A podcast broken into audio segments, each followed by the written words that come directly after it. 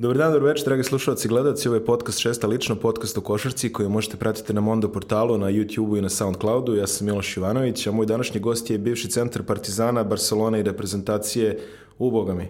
SCG, SRJ, šta si zakačio sve? Pa kao mlađi sve, sve, i Jugoslavija. I Bogami i Jugoslavija. Bivši reprezentativac SRJ, SCG, Srbije manje više svega sam SFRJ, Kosta Perović, Kosta, dobrodošao i hvala ti što se odezvao pozivu. Hvala, hvala na pozivu.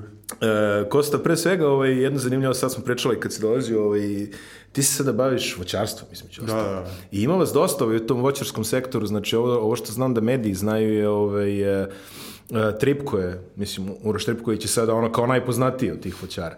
Ali eto, ovaj, generalno, dosta vas je, kažeš, u tom sektoru, šta vas, ovaj, e, šta vas dovede do toga da se bavite voćem baš? Mislim, oko, interesantno je povratak prirode sve to lepo što kažeš. Ovaj. Ne znam, zanimljivo je priroda i opušta ovako i e, šta da ti kažem, kad pogledaš čime da se baviš, a da bude nešto zdravo, normalno, a da pritom i uživaš u tome, ne znam, nekako mi se tu sklopilo da, da je to poljoprivreda. Pa sam krenuo sa jednim, pa malo proširio, na kraju završio sa 5-6 kultura. Šta sve imaš? Pa imam trešnju, imam, ne znam, smilje, lavandu, kamilicu, znači, i voći ružu. I bilje, pa biljke, da, u kooperaciji tamo sa, sa nekim ljudima ovaj, destilujemo ovo neka eterična ulja i tako. A taj vid destilacije, ja e, rekao taj. da si kod Krstića ove ne, ne, ne, ne, ne, destilacija uća. A, dobro, dobro, ja vidim počeo. Ne, ne, neću da mu zalazim u teren. Partizanovi centri počeo da destiluju. Rekao, dobro, ne, ne, nije ni to loše šalim se, naravno, da se vracimo mi na košarku, ove, ipak to, to se više razumem nego u destilati. Ovaj, ti si eh, počeo košarku, kako si rekao, prele basket. Prele basket, da, tako to i od, odatle se nastavio Beo Petrolu tako i samim time zakačio si malo ovaj, stara Juba Lige, što je ovako za mene uvek fetiš tema. Ovaj, kako je to izgledalo tebi kao klincu tada, imaš šta, 16-17 godina, izlaziš na terena, ona igraš protiv eh, ne znam, protiv ono Marka Ivanovića i tim i time slično. da, pa ja sam protiv dosta ono, sadašnjih trenera igrao. I bilo mi je zanimljivo, ne znam, sa 15 godina to mi je bila prva a, seniorska utakmica u dresu Beopetrola. Mm -hmm. I tu je nešto, Jovan Koprivica bio povređen i kao jedno mesto tu upražnjeno i ajde kao Kosta da se skidaš tu utakmicu, igramo sa budućnošću. O, Igraju Deki Milojević, Deki Tomašević, znaš, ovaj, dobra ekipa i gubimo u hali sporta ono 50 razlike, bukvalno 50 razlike, a ja na sebi imam e, dres e, broj 13 Koprivice, uredno. I kao takav ulazim posljednja dva minuta ono na teren i ono kao dajem dva pojena neki ono trash time, znaš, kao pustili me. I tako se ja krenuo, ono, to mi je prva profesionalna... Znači, debitovao ono... si kao Koprivica. Da, debitovao sam kao Koprivica. ti si ovaj, imao si priliku u to vreme, u, jer je igrao Mikan u to vreme u Beopetrolu kad si Nije igrao Mikan, Mikan je igrao, e, čini mi se, sezonu pre, pre toga. Da, jeste. ali Ljubo Luković je bio još dugo. Da, da, da, da, da. Eto, znači, zakačio si jednog od ono legendarnih, da, ono, da. da. Twin Towersa Beopetrola sa kraja. Kako je bilo to ovaj, raditi, po, trenirati sa njime, jer on je ovako poznat kao, mislim, on je, šta, koliko, dve glave niži od tebe, ali opet pretpostavljam da je bilo dosta gadno. Ali, znaš šta, kad si ti klinac sa 15 godina, da. ono, da. niti imaš telo, niti imaš masu, niti znaš bilo šta, ono, tek učiš, uh, prvo ono susretneš se sa sa nekim takvim to je ono za tebe stena ne možeš ni da pomisliš kao nešto da igraš da, leđima, da, da, da, da, pokušaš radiš sve ono što možeš ali stvari tad ni lopta nije išla na, na mene nisi ja tu bio neki oslonac ekipe da bi ja tu mogao da pokažem šta znam mm. jednostavno kališ se i koristiš ono ovaj, prostora što dobiješ iz Petrola odlaziš ovaj, u Partizan i pogađaš se u tom drugom uh, trofejnom periodu Duška Vujoševića kada se tek vratio. Uh, osvajate titulu protiv budućnosti, Partizan počinje svoj niz, impresivni niz domaćih titula i učešće u Euroligi. To je sad neki drugi nivo za tebe, ali tu više dobiješ prostora. Kako je to izgledalo doći u Partizan? Znači, to je sad već veliki klub, ti imaš tek 17 godina u tom momentu. Kako ti to tada izgleda? To izgleda mi onako dosta uh, napredno i znaš, kad imaš 17 godina, dolaziš i igraš Euroligu to je želja ono svakog klinca ovde što, što igra basket koji kreće da, da, da trenira eh, znaš kao Partizan, Euroliga, Pum Pionir, dolaze ozbiljne ekipe i ti igraš, ti si deo toga, ono, ljudi te znaju na ulici, eh, poštuju te navijači, hm, zanimljiv jedan, eh, bukvalno prekretnica iz jednog kluba koji je onako, dobar, stvarno dobar bio Petrol u to vreme, klub stabilan, ali dolaziš u neku instituciju i tek onda shvataš e, šta je u stvari igrati za, za neki veliki klub. To je, ono, privilegija, bukvalno. Jer e, isto tako mogao sam da odem, e, ne znam, u neki drugi klub u Srbiji, pošto je tada bila i SCG, ili u, ovaj, u budućnost, Eh, možda to ne bi tako izgledalo, tek sad istorija piše da, da sam možda povukao pravi potez jer eh, smo osvojili pet titula, odnosno ja sam osvojio pet titula dok sam bio tu. I ovaj, ispostavi se kao da, da je to bio dobar potez. Um, Novice Veličković, ovaj, s kojim često pričam, on, on uvek voli da istakne, znači on priča trener, trener, dule. Znači, ovaj, i uvek eh, priča kao, bilo je teško, ali svašta se tu naučilo i ti si takođe potrefio u tom periodu. Kako se ti sećaš ove tih treninga i svega toga? Pa bilo je, bilo je jako teško. Prvo, e, kad se susretneš sa osobom kao što je Dule, koji nije tipična osoba, niti tipičan trener, on je bio sve pomalo nama, klincima, koji smo došli tamo neafirmisani, i trener, i roditelj, i savjetnik, i, i pedagog, e, svežio. Baš e, se trudio da, da nam taj deo na terenu koji e, provodimo ovaj, sa njim i dok smo dok treniramo da, da nam olakša i da nas izvede na pravi put. Trudio se ono, znaš da je delio knjige, da smo čitali pa pozorište i da, tako da. dalje, bukvalno da ti onako kulturno eh, uzdigne, obrazuje, da ti usadi neke zdrave navike. A osim toga, na terenu to je bilo baš eh, pakleno. Treniralo se jako i prepodne, ono, znam da kad kaže nemate bandaže, ona misli, jo, oh, super je, što nema bandaža, ali to ti opet ne znači da, da neće biti kontakta, nego onda zadesi se namesti neke neki kondicioni trening. Ne, baš je bilo teško u tom periodu, pogotovo meni. Ono, ja sam centar, e, nisam e, neki trkač. E, da, da, da. Znaš, i onda ti koristiš vreme za odmor posle, bukvalno u košarci si non stop. Nemaš vremena za, za bilo šta drugo, toliko te to iscrpi, ali budeš ono srećan posle, znaš da si uradio nešto dobro, jer posle kad dođe utakmica i kad odradiš dobru utakmicu, pobediš, tek onda kad se okreneš, shvatiš ovako se ide do, do, do pobede. Ovo je način e, kako treba da se radi. Koliko ti je ta baza koju se stekao u Partizanu, te radne navike i sve to što si naučio, značilo u daljem toku karijere? Mnogo.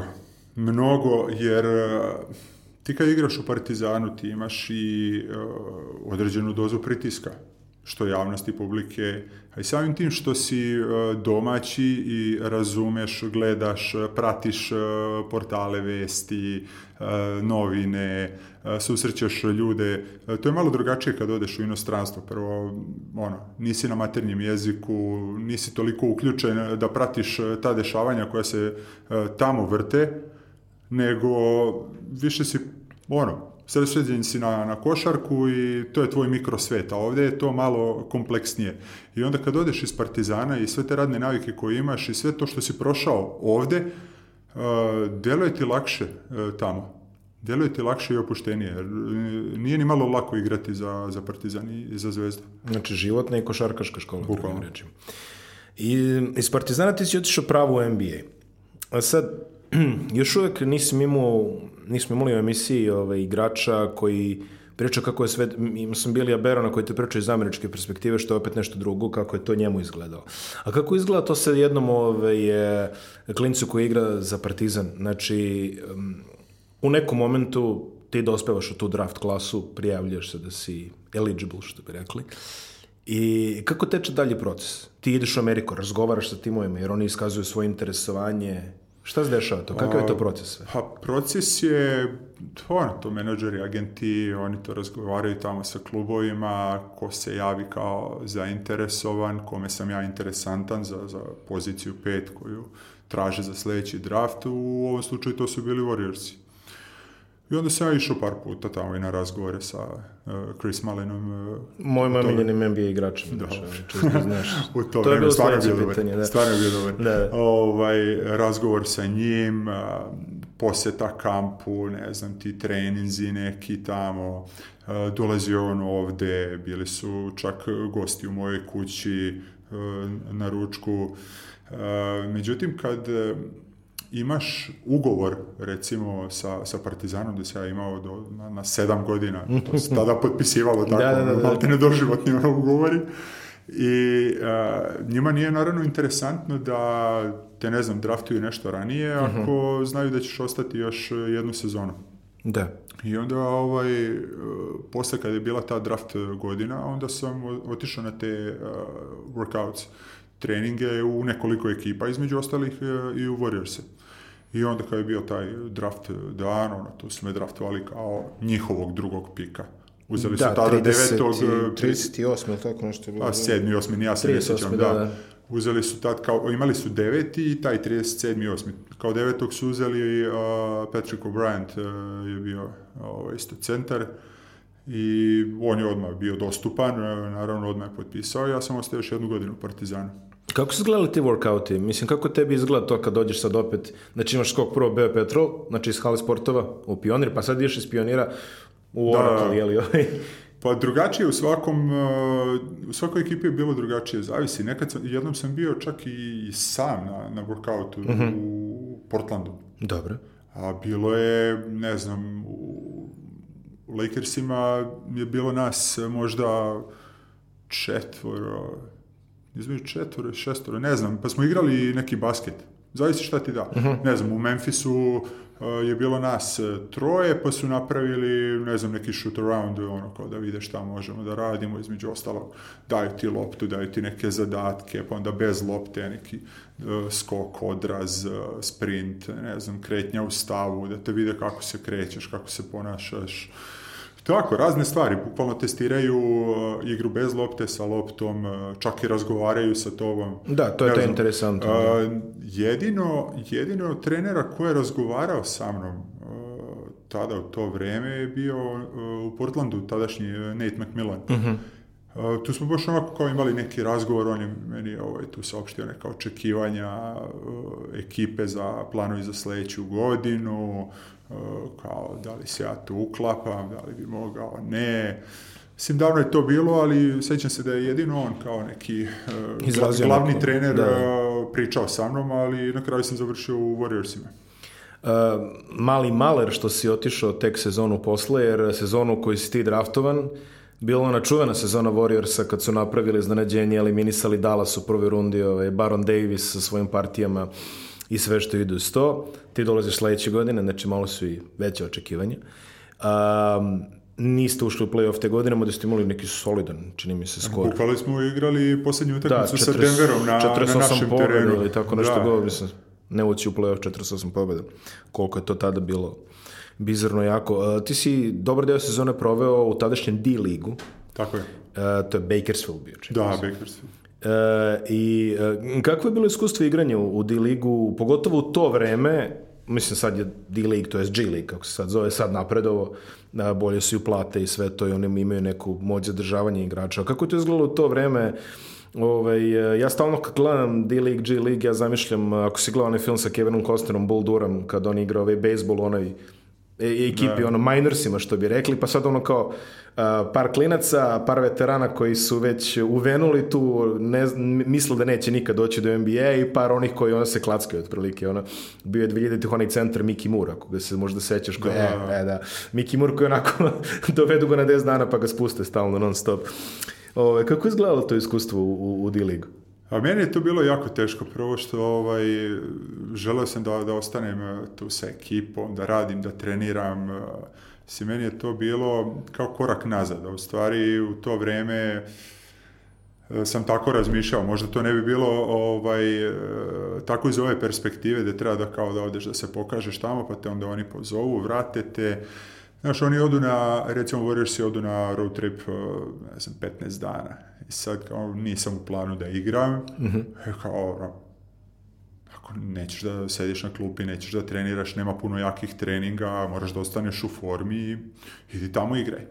E, sad, to su uh, ekipe koje, ne znam, u toku jedne sezone u D-ligi promene 30 igrača jedni dolaze, odlaze, oni uvek e, nekako uspevaju. Da- Rekonvalescent je. Tako je, tako da. je. Neki dobiju poziv iz Evrope, neki dobiju iz NBA, dođu u NBA i potpišu ugovor na 10 dana, produže na još 10 ili potpišu na mesec, pa se opet vrate, pa... Tako da ovaj, dosta je tu e, nekonstantna e, neka ekipa koja te okružuje. Uh mhm. -huh i dosta je to ono nivo niži nego NBA. Uh, oni su čak imali e, dosta onako prosečne neke zarade i Jeste, to je to bilo njima, baš ono. njima je to NBA je njima delovao kao neki nedosanjani san. Mhm. Uh -huh. I onako ja kad dođem kao iz NBA-a, iako nisam ni igrao tamo, da. ovaj, ono, ipak te gledaju kao drugim očima, kao kako je tamo, kako je organizaciji, kako to sve funkcioniše. Vidim da im je baš e, želja svima njima da, da budu deo toga. I imali su situaciju baš u tom e, Bakersfieldu da e, toliko kao uštedu sredstava imaju da njih e, pet ili šest žive u istoj kući. Ozbiljno. Mm. Takva je situacija bila. I ne znam, ja sam imao, ovaj, bio u tom nekom hotelu što su ovaj, Warriorsi plaćali, Uh, prvi put sam bio možda mesec i nešto, uh, drugi put sam bio možda samo na, na dve ili tri utakmice sam bio. Tako da u ta dva navrata sam bio tamo i to je to. Imao si priliku da radiš e, sa jednim od najvećih vizionara košarke sa trenerskog mesta, Don Nelson ti je ovaj, bio glavni trener. Kako je bilo raditi sa njime? Uh, Pa vidi, Don Nelson eh, čak nije ni vodio treninge. Mm -hmm. Treninge je uglavnom vodio Kid Smart. Mm -hmm. On se popne onako gore na balkon. I gleda. Da, zapali onaj svoj tompus i onako gleda, posmatra, nešto mu se ne svidi, onda on siđe dole kao da neke instrukcije šta tu treba da se radi i tako dalje. Pa vidi, koliko ja čujem, većina NBA treninga izgleda tako nekako. Ne znam. Mm. Znači ja znam kako je ovde bilo, znači pomoćni trener vodi treninge, Najzanimljiviji su mi bili e, time-outi, recimo. Uh -huh, uh -huh. Znaš, dođe time-out i sad njihov time-out, ono, sa reklamama, sa e, programom koji imaju u tom e, periodu na terenu, pa traje i dva, tri minuta. Dva i po minuta traje. Pa, da. To, to se meni otvorilo kad sam zapravo bio na NBA utakmici, ja vidim, počne od brojeva 2.30 pa naniže, rekao, kakav minut odmora, čemu pričate? I sad čovjek uzme onu stolicu, sedne ispred nas i on završi svoje izlaganje za 20-30 sekundi. Dobro. I on čovjek minut i pogledao pod. ono kao, daj reci još nešto. Ono. A vi ste sve razumeli. da, ono, glupa situacija. on kao tu nešto objasni, otprilike Steven Jackson, Baron Davis, radite šta hoćete. Aha, vi ostali se da. snađite, ono, pa, Bidrić da. hvata iz Da, da, prat, pratite pick and roll.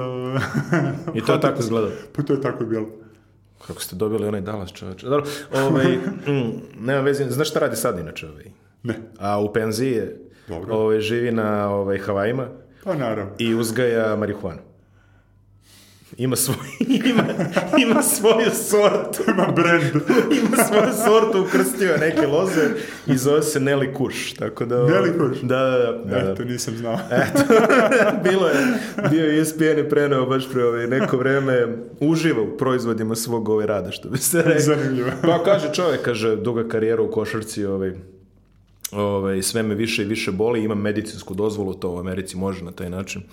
Kad si I... spomenuo Dallas, izvini da, što da, te prekidam, ovaj, sad igramo u Dallasu mhm. utakmicu, uh -huh. on je ono, njihova legenda, uh mhm, -huh. Mhm. trenerska i tako dalje, gubimo od Dallasa i uh, ono, završilo se sve to, došli smo u hotel i kao mi se skupili igrači, kao idemo napolje, ono nešto, se družimo, zezamo sa ovim da, da. igračima iz Dallasa, to je već ono 12 sati, mi da, stojimo ispred da. hotela. Sad naravno, ako izlaziš u 12, eh, sigurno nećeš doći rano. Da, Razumeš? očekivano. Da. I on dolazi, onako se tompusom izlazi napolje, čeka ga limuzina, gleda nas kao, momci, nemojte dugo. I odlazi u nepoznatom pravcu. A uvek je izgledao onako bećarski. Ovaj, da, da. Baš, ovaj, da. Do Nelson. E, mislim da se on prvi put upoznao sa našim igračima još tamo valjda Danilović išao kod njega na workoute, on je trebao da ide u Golden State, pa je uzročno postoče završio u Majamiju. U NBA se zadržao, to je u Americi, ovaj, e, tu jednu sezonu i pred početak sledeće bio si ono vejvovan, kako oni to kažu, i onda dolaziš u Evropu. Ti si proveo, vraćaš u Evropu, ti si proveo pet sezona u Španiji, zar ne? Pet? Da. Tako je. Uh, I tvoja prva stanica bila je Valencija par puta smo pričali o Valenciji ovde u podcastu, ovaj, ta anegdota koju sam već spomenuo kako Dejan Radonjić nije mogao tamo da nađe posao jer vlasnici zahtevio da se s njima bistrio na španskom svako jutro ovaj, da listaju vesti i to, ali eto ti dolaziš u jedan tim sa jakim regionalnim karakterom i ovaj, jednu solidnu ekipu koja tu već ima i neke evropske trofeje u tom momentu Kup Koraća, čini mi se da su osvojili malo pre tebe. Uh, ili je to bio Saporta Cup. Znam da su igrali finale sa Hemofarmom, čini mi se, u to vreme. Um, kako, kako ti to sad izgleda? Znači sad, ti si otišao odmah u NBA. Da li si u momentu odlaska u NBA, da li, si, da li su neke evropske ekipe bile zainteresovane za yes. tebe? I ti si ipak rešio da probaš prvo NBA ono, da. dok si mlad, što se da. kaže. A, ja sam, maltene, bukvalno sam imao ugovor sa Unikahom, ovaj, ono, na mailu. Aha. Poslate. Međutim, moj bio izbor da, da idem tamo, želja velika da, da odem. Dobro. Sad, iako ja nisam igrao tamo, iako sam ja ubrzo skontao da to nije svet za mene, mm -hmm. oni, oni u napad, ja u odbranu, kontraritam totalno, pogotovo u ekipi da borio se koji samo trče, da. a meni duša u nosu. Nelijevi warriors. A meni duša u nosu, ono, ne mogu da ih stignem nikako, ako nije ovo svet za mene. Tako da, ovaj, pa vidi, došlo je do do avgusta meseca, pošto sam imao sa Warriorsima ugovor na tri godine. Mm-hmm. I do avgusta meseca je to došlo, uh, igrali smo kvalifikacije u areni za uh, Eurobasket u Poljskoj. Mm-hmm. I to je bila 2008. godina. I ja bukvalno u avgustu ono, pitam ove agente kao, da mogu ja da se vratim u Evropu? kao sine, imaš ugovor sa njima, daj, ono, sad mi kažeš, već su sve ekipe formirale da, da, da, rostere, da, da, šta ćemo, kako ćemo, i tu iskoči nekako Valencija. I onda odem tamo i ono, tu se stvar promeni. Mislim da mi je to jedan od najboljih poteza u životu. E, Duško Savanović je pričao o Španiji dosta temeljno, ovaj, kao koliko je to njemu značilo, novice je pričao o iskustvima u Španiji kakve ti uspomene ovako globalno, pre nego što pređemo na košarku, nosiš iz Španije po samom životu u toj zemlji? Fenomenalno. Fenomenalno meni je čak i želja ono, da, da, da živim tamo jednog dana. Toliko sam e, zavoleo i Španiju i kulturu i, i ljude, e, sama ta i organizacija i ne znam, jednostavno kad ti se sklope sve kockice, kad nešto kažeš da je idealno, onda je to Španija. Mm-hmm. Mislim, imao sam sreće, vjerojatno neko ko je otišao, ne znam, u Italiju ili Francusku, eh, pa je tamo proveo po, po 5-6 godina, za mm-hmm. njega je to sve. Ja sam bio u Španiji, ja se ono, kažem, kunem u, u Španiju. Šta ti je sve toliko? Pa, e, pa, Sve. ajde, ajde direktno kad pričamo o Španiji, ja mislim na Valenciju. Ajde, znači, dobro, dobro, da, da. Ovaj, e, ljudi e, su dosta prijatniji, dosta onako neposredniji nego što je to situacija recimo sa Barcelonom uh, ili situacija sa Malagom. Uh, kao porodica su unutar kluba. Uh, oni jesu menjali trenere i igrače, ali ljudi u klubu uprava, to je, svi su ostali isti i baš sam ono, u dobrim odnosima sa njima i Uh, svaki put i kad dođu ovde se vidimo, sad su imali prilike uh, dva puta. Da. Tako je. Uh, onda hrana, posebna stvar, vreme, klima, posebna stvar, ne znam, ovako, život, organizacija, neke navike njihove. A, živeo sam u Andaluziji godinu dana i ja znam šta to znači kad izađeš uveče u je, ono njima no, njima večernji izlazak počinje u 11 otprilike. U ponoć ono deca igraju školice pa, po, pa da. po trgu otprilike. Pa, da. Totalno. Džabe džabe sva uređenost, ne znam, večera severa, počinje u pola jedno pola 12. Da, kažem džabe sva uređenost e, severnih e, država kad e, nema tog života kad padne mrak. Nije sad da ja volim da lumpujem, ali voliš da, da vidiš Čekaj, da, da je živo, da a, mrak da se padne, nešto kreje. A mrak padne tek u pola 11. Zavisi. Da, ali da. ali da. Ali da, ali da. Ono lepo je kad ti sa prozora ono pogledaš dole dva ujutro ljudi sede u, da, u kafićima, naravno. časkaju, druže se. Ljudi s decom. Da, da, ljudi s da, da, decom. Da. Jer njima restorani ono rade dvokratno, pa ne znam, taj e, drugi deo za večeru uglavnom mm -hmm. kreće oko devet. Da, da. Tako, ali tu se te kao otvaraju vrata. A, inače, ljudi dolaze u deset e, uredno da, da klopaju, onda se tu zadrže do, do ono, 12, 1. I kako ekipu onda ti, da se mi vratimo sad na košarku samo za sekund, kako ekipu zatičeš u Valenciji, kako se sad to opet razlikuje od onoga što si, znači ostavio si superiornu vrhunsku mega organizaciju, dobro, ajde, nisu to sad ovi Warriorsi koji su sad, ali svejedno NBA klub, dolaziš u Valenciju, što kažeš vlasnička struktura je takva i takva. Ko, koga zatičeš od igrača? Pa zatičem uh, Vule Avdalović tu, uh, ne znam, Rafa Martinez, uh, bio je te godine e, pokušavam da se setim onako da, da, da je neko zvučnije ime tek druge godine ono posle došao Matt Nielsen e, Kelati Kelati tako je Uh, bio je Fotis Kacikaris trener, mhm. međutim uh -huh. oni su njega sklonili već posle šest kola, ja mislim. Uh mhm. -huh. Tad dolazi ovaj Spahija. Da. I ovaj, znaš, ono, imaš neke navike, već stekneš, e, kreneš da se uigravaš sa, sa kacikarisom i onda dolazi do promene. Da. Ali srećom podiže se to na neki ovaj, viši nivo. Uh-huh.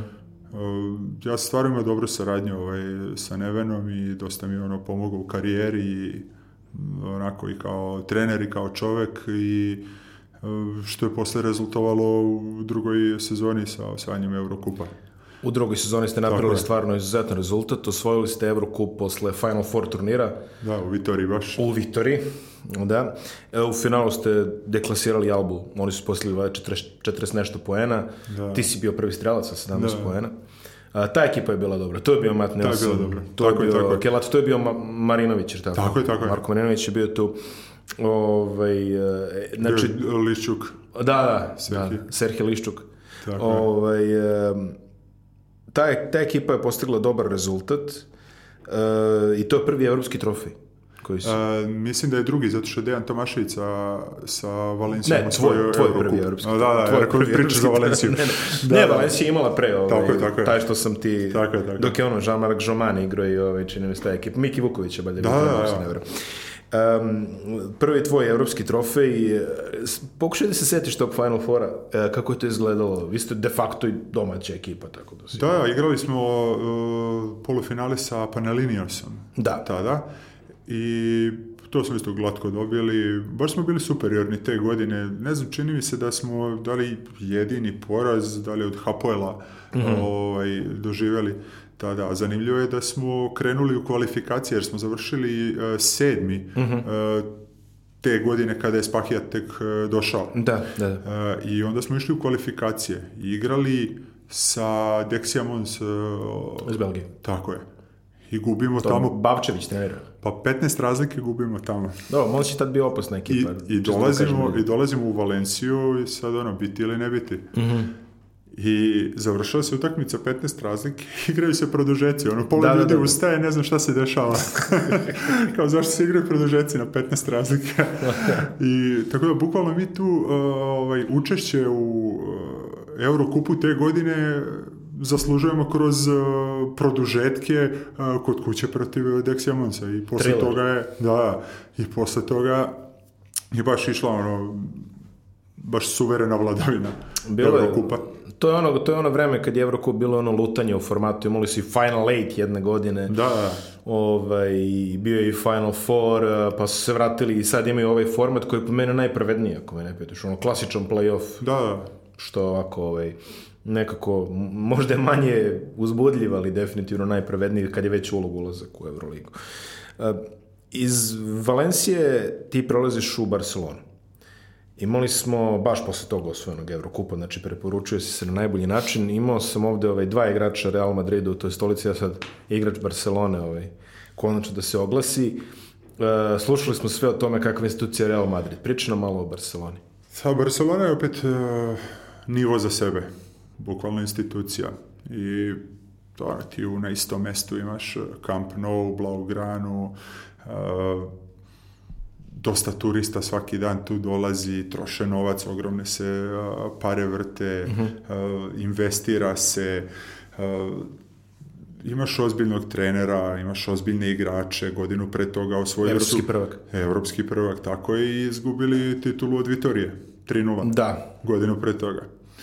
I ovaj, stvarno dolazim tamo da budem u rotaciji sa Fran Vasquezom i Bonifacem Dongom. I Lorbik je tu. Lorbik je uglavnom da. da, četvorka. Da, četvorka, oni Terence Morris. Da. To vreme.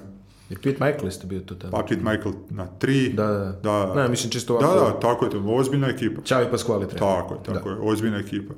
I, ovaj, porno, zatičeš eh, jednu ozbiljnu organizaciju u svakom aspektu uh, ozbiljnog trenera. Što kad kažem ozbiljnog, on je učio od Duška Ivanovića, što je bio njemu pomoćni trener, ali čovjek je... A, ovaj, već ono počinjete se trese glas, ono kad kažu učio Duška Ivanovića, ne, to nemam, znači šta nemam, će. nemam susreti, nisam ni imao osim ovako van terena. Ovaj. Ali... E, Strah i trepčic. Ne, ali Čavi je, Čavi je bio toliko e, pedantan. Mi e, smo imali, ne znam, 90 akcija. Mi smo imali playbook, debeli playbook, mi smo mm -hmm. to prolazili Uh, on kaže, ne znam, za ovu utakmicu igramo ovih 30. Uh, I onda vežbamo. Ti jel to sve mora, jel moraš da znaš. odigrate svih 30?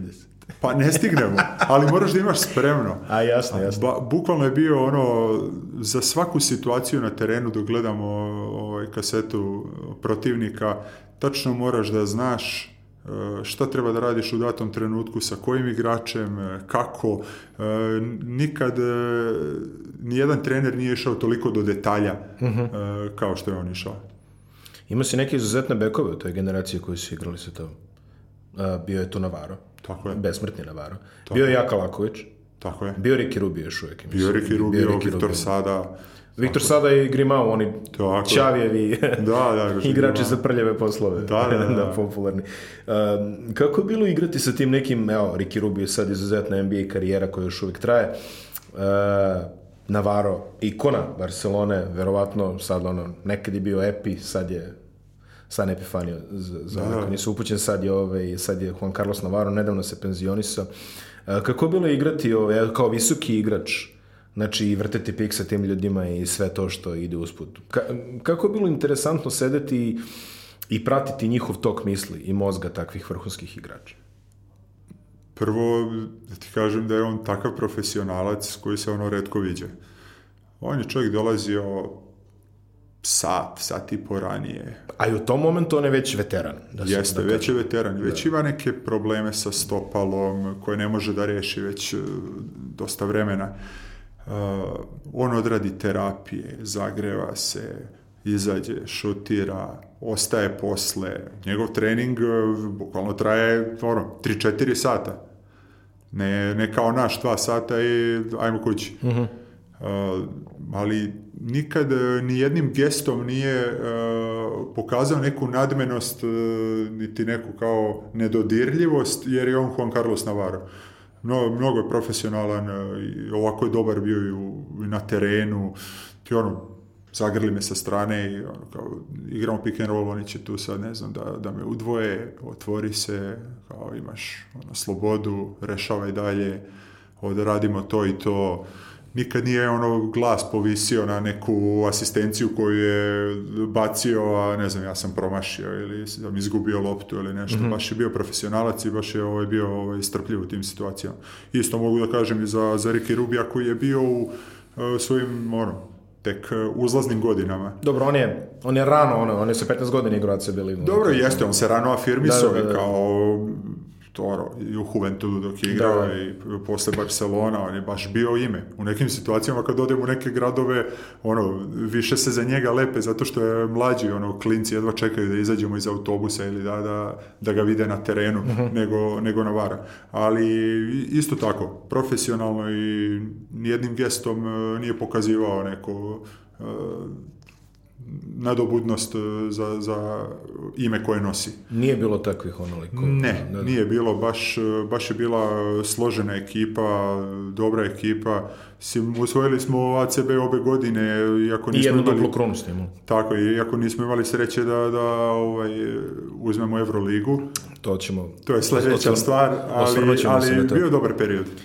Um, Novice je, na primjer, pričao kako futbaleri, futbalera Reala bi sretali samo na nekim ono proslavama, na primjer, i tome slično. A ljudi koji prate ACB ligu znaju da kad se igra oni čuveni njihov termin na nedelju u 12.30, da ako je Barcelona igrala futbal noć pre, da često prvi red budu Messi, Iniesta i cela ta... Jeste se vi družili sa njima? Jeste imali neke dodire? Ne. Pošto oni često dođu na, na, na košarku. Dođu na utakmicu, ovaj, to što kažeš, ono, u prvim redovima budu, ali mm -hmm. to je sve bukvalno nismo imali nikakav kontakt sa njima. Ste više na futbolu? Jesmo. Išli smo nekoliko puta, pa na tu smo kao porodica, futbol, košarka, kad god imaš prostora, vremena, odeš na, na Camp Nou i pogledaš neku tekmu. E Barcelona je veliki grad, um, živi dosta od turizma, ima puno turističkih atrakcija. Uh, jeli, to su sve stvari koje čovjek može da radi u Barceloni, između ostalog to je i futbal. kakva je percepcija košarke u Barceloni kao gradu, jer i, jer i košarka poprima taj lokalni identitet, ovaj, tu katalonsku ideju i sve to kao, kao što je reč o futbolu? Pa nije to na tom nivou kao što je futbal. oni napune halu kad se igra neka dobra mm -hmm. domaća utakmica ili Euroliga. A u ostalim situacijama tu bude par hiljada ljudi, e, ne, ne možeš ti to porediti sa futbalom ili sa košarkom e, ovde na našim prostorima. Drugačije nekako to mentalitet, sklop, e, pa da, to... afiniteti. Ko njihove... Hajduk i Jugoplastika otprilike. Pa da. da ali napravi se dobra atmosfera kad je, kad je neka baš e, dobra utakmica. Mm-hmm. Ono, Blaugrana je mala, kompaktna, ono na sprat, e, ljudi ne veruju kad uđu, ono, mi smo zamišljali da je ovo mnogo veće. U stvari oni su... Djelo je mnogo veće. Djelo je. Da, da. Djelo je, ali baš malena. Baš malena. Oni su jedino sa tim spratovima gore ovaj, izvukli kao e, da može da stane, ne znam, 8-9 hiljada ili tako nešto. Spominjiš Euroligu u tvoj, čini mi se, prvoj sezoni, ispravi me ako grešim. E, imali ste četvrtfinalnu seriju sa Panathinaikos. Tako je. E, to je jedno od najboljih serija koje sam ja gledao u Euroligi u poslednjih ono desetak, 15 godina, da tako kažem. Svaka utakmica je bila do zla boga nadmudrivanje na noži, na sve to. E, to je po meni, mislim, sad, mišljenja mogu da se razlikuju, hvala Bogu i glupo je reći, ali a, e, po meni je ta serija najbolje pokazala svu genijalnost Željka Obradovića, jer e, prošle sezone, sezonu pre te Barcelona se prošetala da se ne lažemo, znači imao samo poraz od Partizana, jeli? Ali sve ostalo, mislim, finale koje su izgazili Olimpijakos ovaj nesretni, e, koji nije bio uopšte slab. I onda dolaziš kao evropski projekt da braniš, e, Željko Bradić postavlja tako fantastično strateški i taktički sve to Uh, i igra jednu doktorsku seriju sa Panathinaikosom, realno. Uh, kako se ti sećaš uh, te serije? Vi ste izgubili 3-1, ako se ne veram, break njihovi, ta dve utakmice tamo. Pa mi smo propustili naš, našu šansu u Barceloni, jer mi smo tu utakmicu koju smo izgubili od Panathinaikosa u Barceloni imali uh, plus 10 na polovremenu. Mm -hmm. I mi smo to prokockali i onda se 1-1 odlaziš u Atinu. Da, to nije e, srećna situacija. To nije srećna situacija, a Željko je baš napravio taktiku da ono, pustimo Riki Rubija nekada 30, a ovaj, samo da se ne razigraju ostali. Tako da je bilo i situacija, baš da li jedna ili obe utakmice, Riki je nešto šutirao, davo je dobro, ovaj, dobro je šutirao trojke. I znam da su se i bunili ovi iz Panathinaikosa kao, pa, kao neću da udvajam sa njega, stalno pogađam. Samo ti pusti neka on pogađa. Kaže, samo ti njega pusti neka on pogađa. Ti brani onako kako sam ti ja rekao, otprilike. Tako da, dobro sam s ono, dve utakmice tamo i posle su oni osvojili. Da, ovaj, da, da. Iako Final Four u Barceloni bio. Eto, pro, imali ste ono, meč loptu što bi Pa da, pa da. E, dve godine u Barceloni, E, takođe lep period tvoje karijere, onda konačno dolaziš do, do Malagi. Zašto konačno? Pa jesi rekao da si, da. Z, z, si da, otišao da, da, NBA da, da. umesto u Malagu i tako, tako konačno je, dolaziš tako, ove, tako, tako, tako. u Andalufiju. Ove, ovaj, kako ti je bilo tamo? Igraš si godinu dana. Uh, igrao sam, ali to je bila e, borba. to je bila borba. Nis, nisam, nisam se baš nešto naigrao.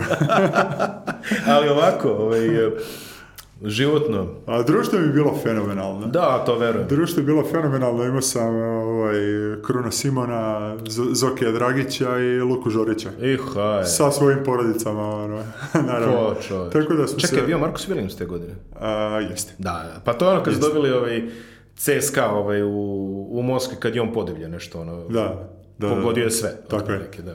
Tako je. Ovaj, društvo, društvo je bilo super, ono, to van terena je bilo fenomenalno. Ono, Bio da. repeš teren. Tako je. Da, tačno. Tako je. da, bilo je, bilo je dosta zabavno. Dobro, Malag ovako dosta interesantno mesto. Ovaj, e, za ljudi koji ne znaju nadimak e, žitelja Malagi i svih sportskih kolektiva je Bokerones, ako se ne varam. Što znači girice. Ajde, kažem da, uslančen. tako nešto. Slične male ribice koje su uglavnom ono, zabranjene za lov tamo. da, da, da, da, ali Los Boquerones, sim, simpatičan kraj Španije. Kako si, da, to je opet neka totalno druga regija u odnosu da, na... Da, totalno druga, ono... Južni, Oni su još opušteniji. Još opušteniji.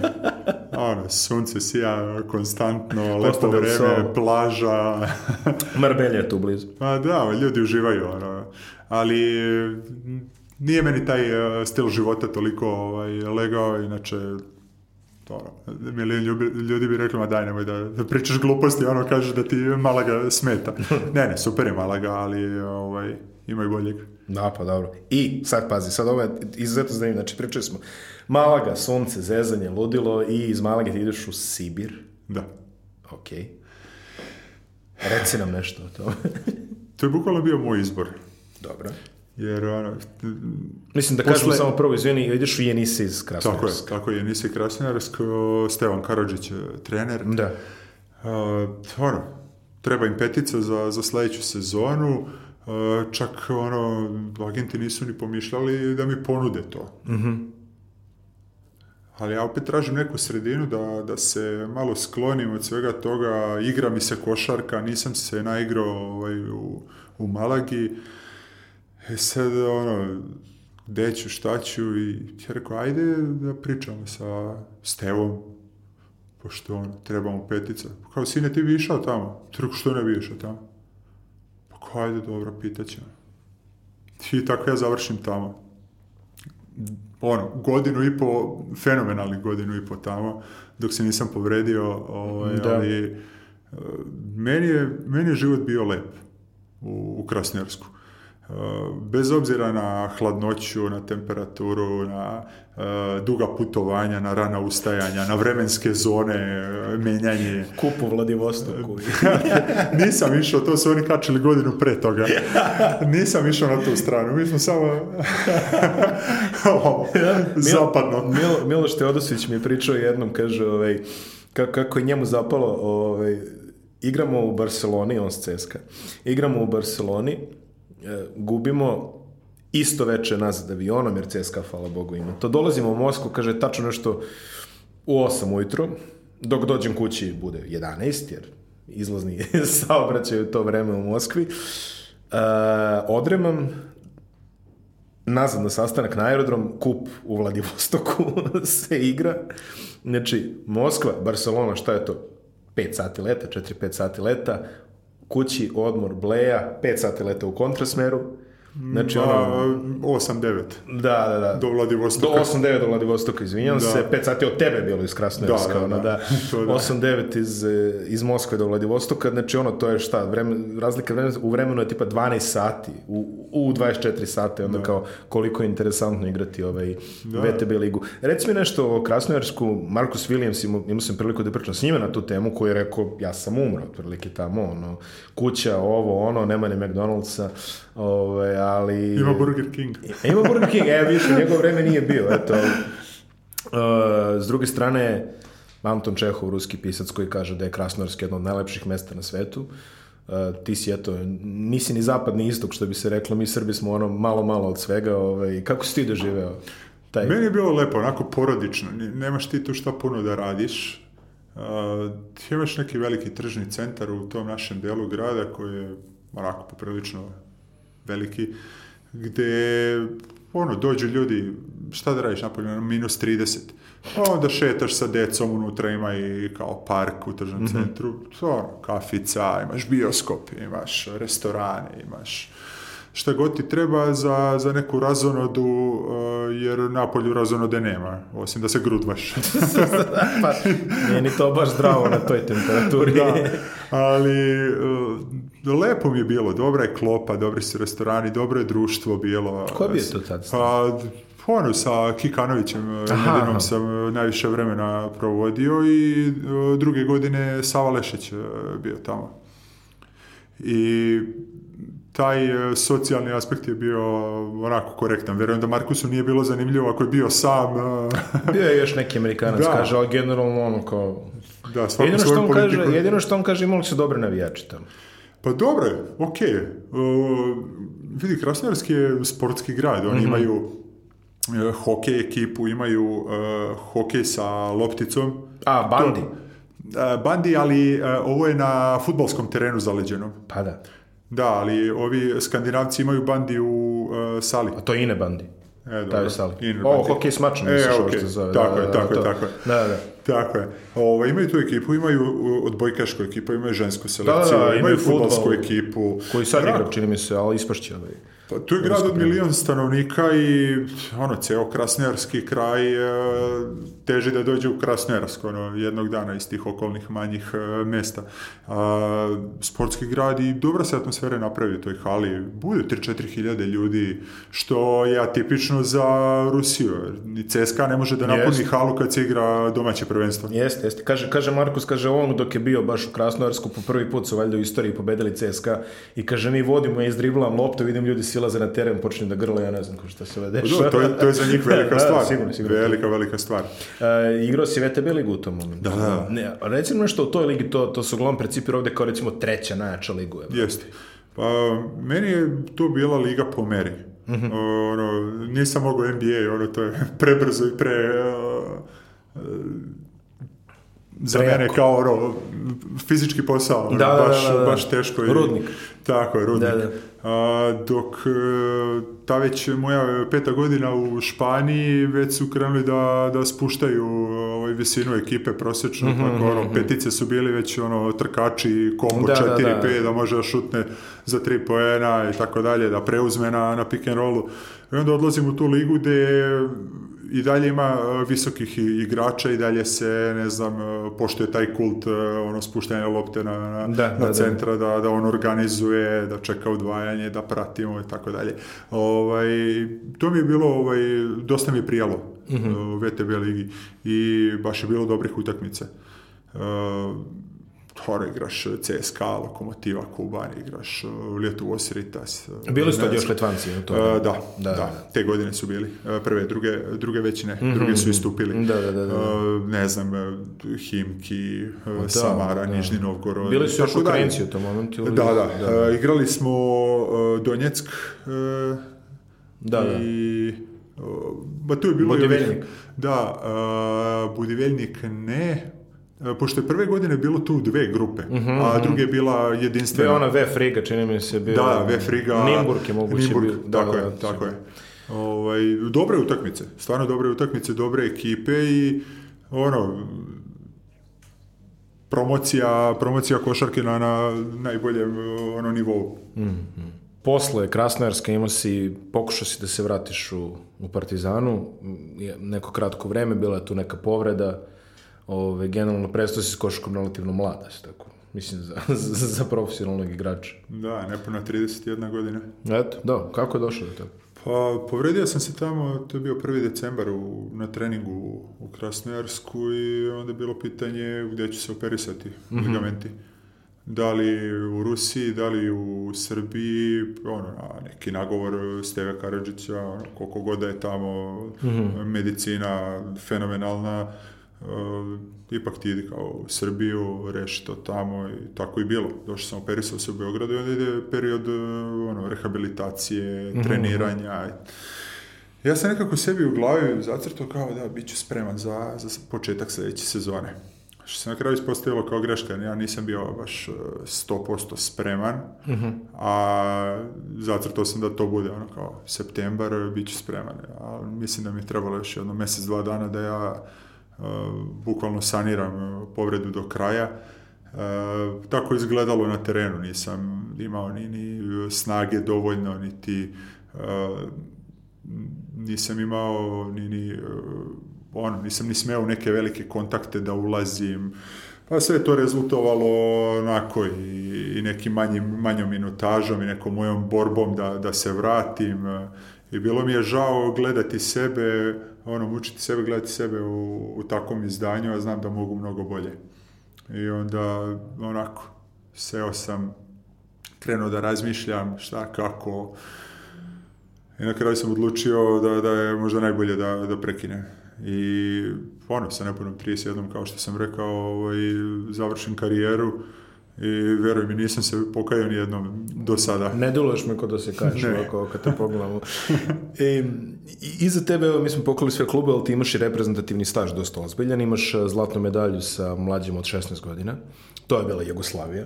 To je bila Jugoslavija. Onda, je, onda učestvuješ na prvom ikada SCG turniru Tako u Švedskoj, Evropsko Tako. prvenstvo 2003. i imaš još učešće na dva svetska i na dva evropska, 2009, 2011, 2006, 2010. Promenio si nekoliko selektora, radio si, ali eto, pretpostavljam da se najradije sećaš perioda sa Dudom Ivkovićem i zlat, a, srebrne medalje, eto ja.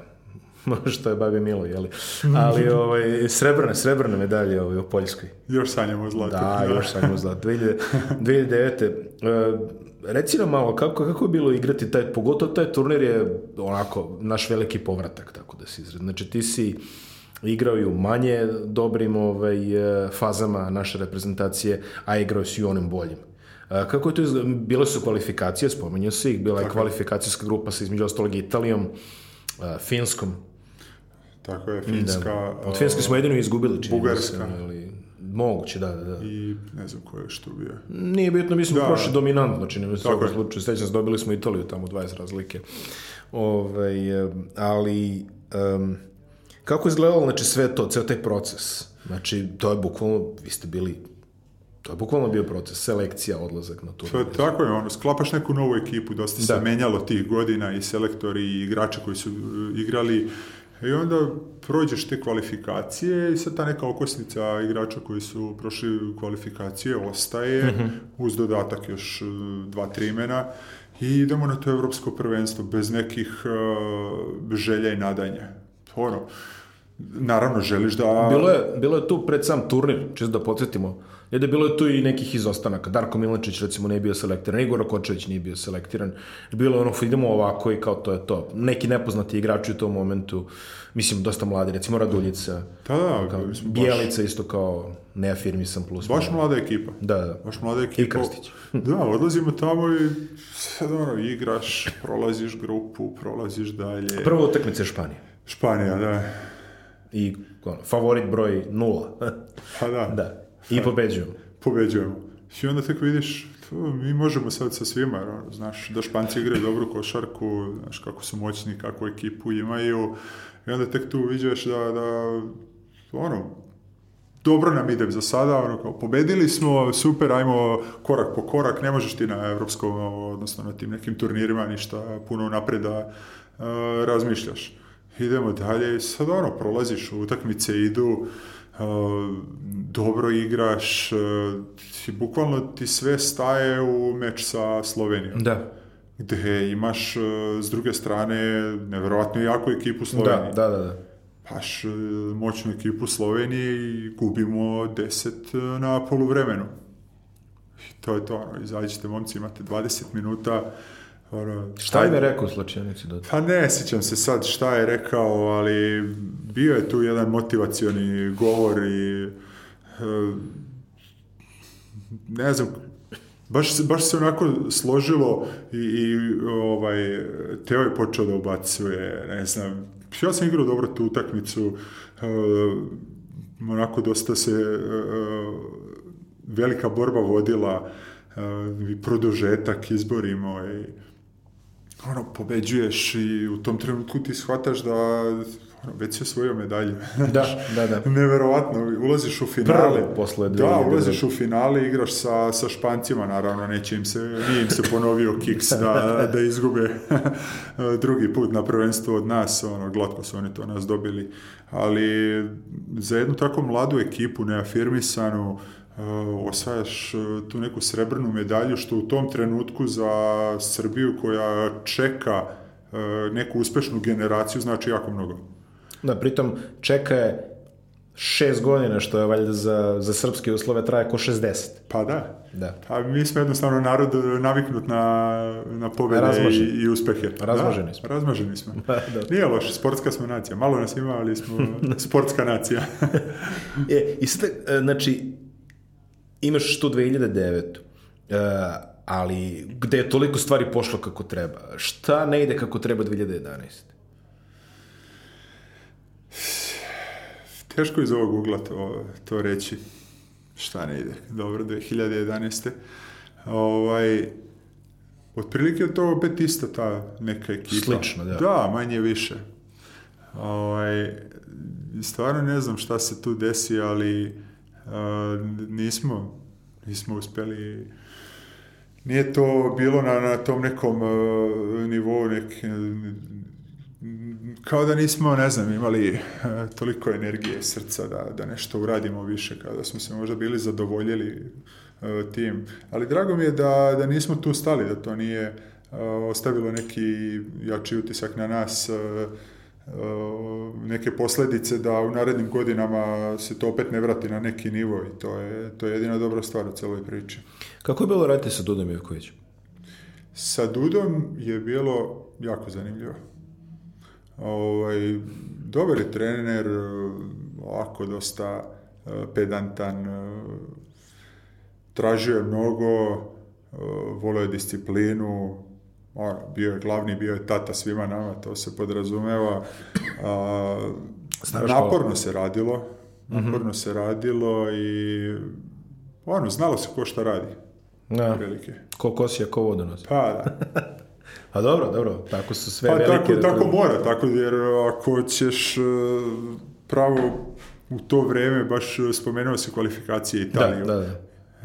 Ono, ekipa sastavljena iz fenomenalnih pojedinaca ali ono, što se kaže, treba im 3-4 lopte da bi svi bili zadovoljni mm. na mhm. terenu u to vreme. Ne možeš ti tako da sklapaš ekipu, odnosno da vodiš ekipu. Ovde koliko si god imao i klince i poneko ime i tako dalje, morao si da postaviš neku hijerarhiju koja se koliko toliko poštovala i zato je bilo i uspeha. E, kada sve presabereš sada, kada pogledaš nas, šta je tebi značilo igrati za reprezentaciju? To je posebna priča. Ono, pratite nacija. Izabran si za, ne znam, 12 e, igrača, odnosno 15 igrača koji predstavljaju e, celu državu u tom trenutku. Mislim, svi se mi bavimo javnim poslom, ali da. A, e, biti, ne znam, i u Partizanu je privilegija. Jasno. Ali ovo je 12 ili 15 igrača cele države najboljih, odnosno najboljih u tom trenutku i osvajati medalju pritom. To je posebno kad izađeš na onaj balkon i tako dalje, to je neverovatna stvar. Znaš da prate, znaš da ljudi e, to vole, znaš da žive za košarku, to je promocija za, za nove klince koji dolaze, da se napraviti tereni, da, da, da se uh, košarka kao sport ono digne na, na još viši nivo. Ne znam, igranje je posebno za svakog i mislim da to želja bukvalno svakog klinca da jednog dana igra za reprezentaciju.